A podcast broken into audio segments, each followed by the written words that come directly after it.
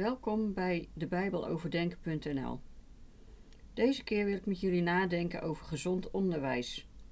Wat heeft de Bijbel eigenlijk te maken met gezondheid? Wanneer is iets gezond? Bij gezond denk je misschien aan gezond voedsel of aan een gezonde levensstijl met sport, voldoende slaap, groente en fruit. In de Bijbel gaat het niet zo vaak over wat we moeten eten en drinken maar het gaat wel over gezonde woorden en een gezonde leer. Gezond onderwijs dus. Zoals gezond voedsel goed is voor je lichaam, zo is gezond onderwijs goed voor je geest. We lezen hierover in de brief van Paulus aan Titus. Daar moedigt Paulus Titus aan om te spreken wat bij de gezonde leer past. Blijkbaar is er onderwijs wat gezond is en ook onderwijs wat ongezond is. In Titus 2, vers 1 zegt Paulus dat Titus moet praten over wat bij de gezonde leer past. Hij begint dan met het geven van een aantal praktische adviezen aan Titus, die hij weer mag doorgeven aan verschillende mensen in de gemeente. Bijvoorbeeld dat de oudere mannen en vrouwen nuchter moeten zijn, niet te veel wijn drinken, waardig, gezond in het geloof en het goede moeten voorleven. Titus zelf mag ook een voorbeeld zijn voor de gemeenteleden in zijn doen en laten, maar vooral ook een voorbeeld in het onderwijs dat hij geeft.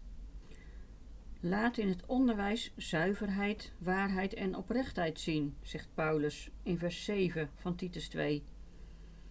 En opnieuw in vers 8: Spreek een gezond woord, boven alle kritiek verheven.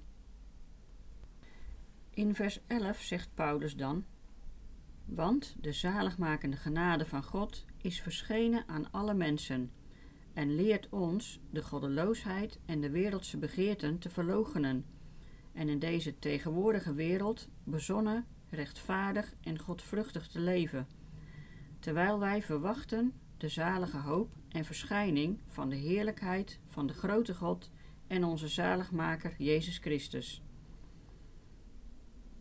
Hier in vers 11 lezen we het hoe en waarom van de gezonde leer. De genade die zalig maakt, die redt, die is verschenen aan alle mensen. We weten dat niet alle mensen deze genade aanvaarden, maar voor degene die haar aanvaarden, doet de genade nog meer. De genade onderwijst ons, zegt Paulus. Die zaligmakende genade leert ons hoe we de goddeloosheid en de wereldse begeerte kunnen verloochenen en hoe we bezonnen, rechtvaardig en godvruchtig kunnen leven in deze tegenwoordige wereld of eeuw. Let op het woord verschijnen. We zien dat twee keer in dit gedeelte. De zaligmakende genade is verschenen, lezen we in vers 11. En wij wachten nog op de verschijning van de heerlijkheid van de grote God en zaligmaker Jezus Christus. Dat lezen we in vers 13. Vers 12 beschrijft de tussenliggende tijd. Een tijd waarin de genade ons onderwijst hoe we in deze tegenwoordige tijd kunnen leven. De Israëlieten werden onderwezen door de wet.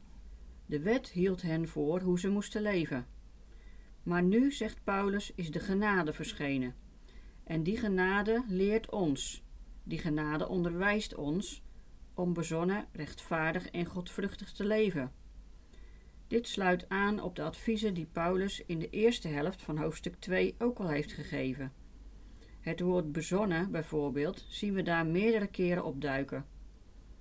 Titus krijgt de opdracht om deze gezonde leer te brengen. En de gezonde leer, dat is de leerschool van de genade. We mogen ons laten onderwijzen door genade, terwijl we in afwachting zijn van de verschijning van onze zaligmaker Jezus Christus.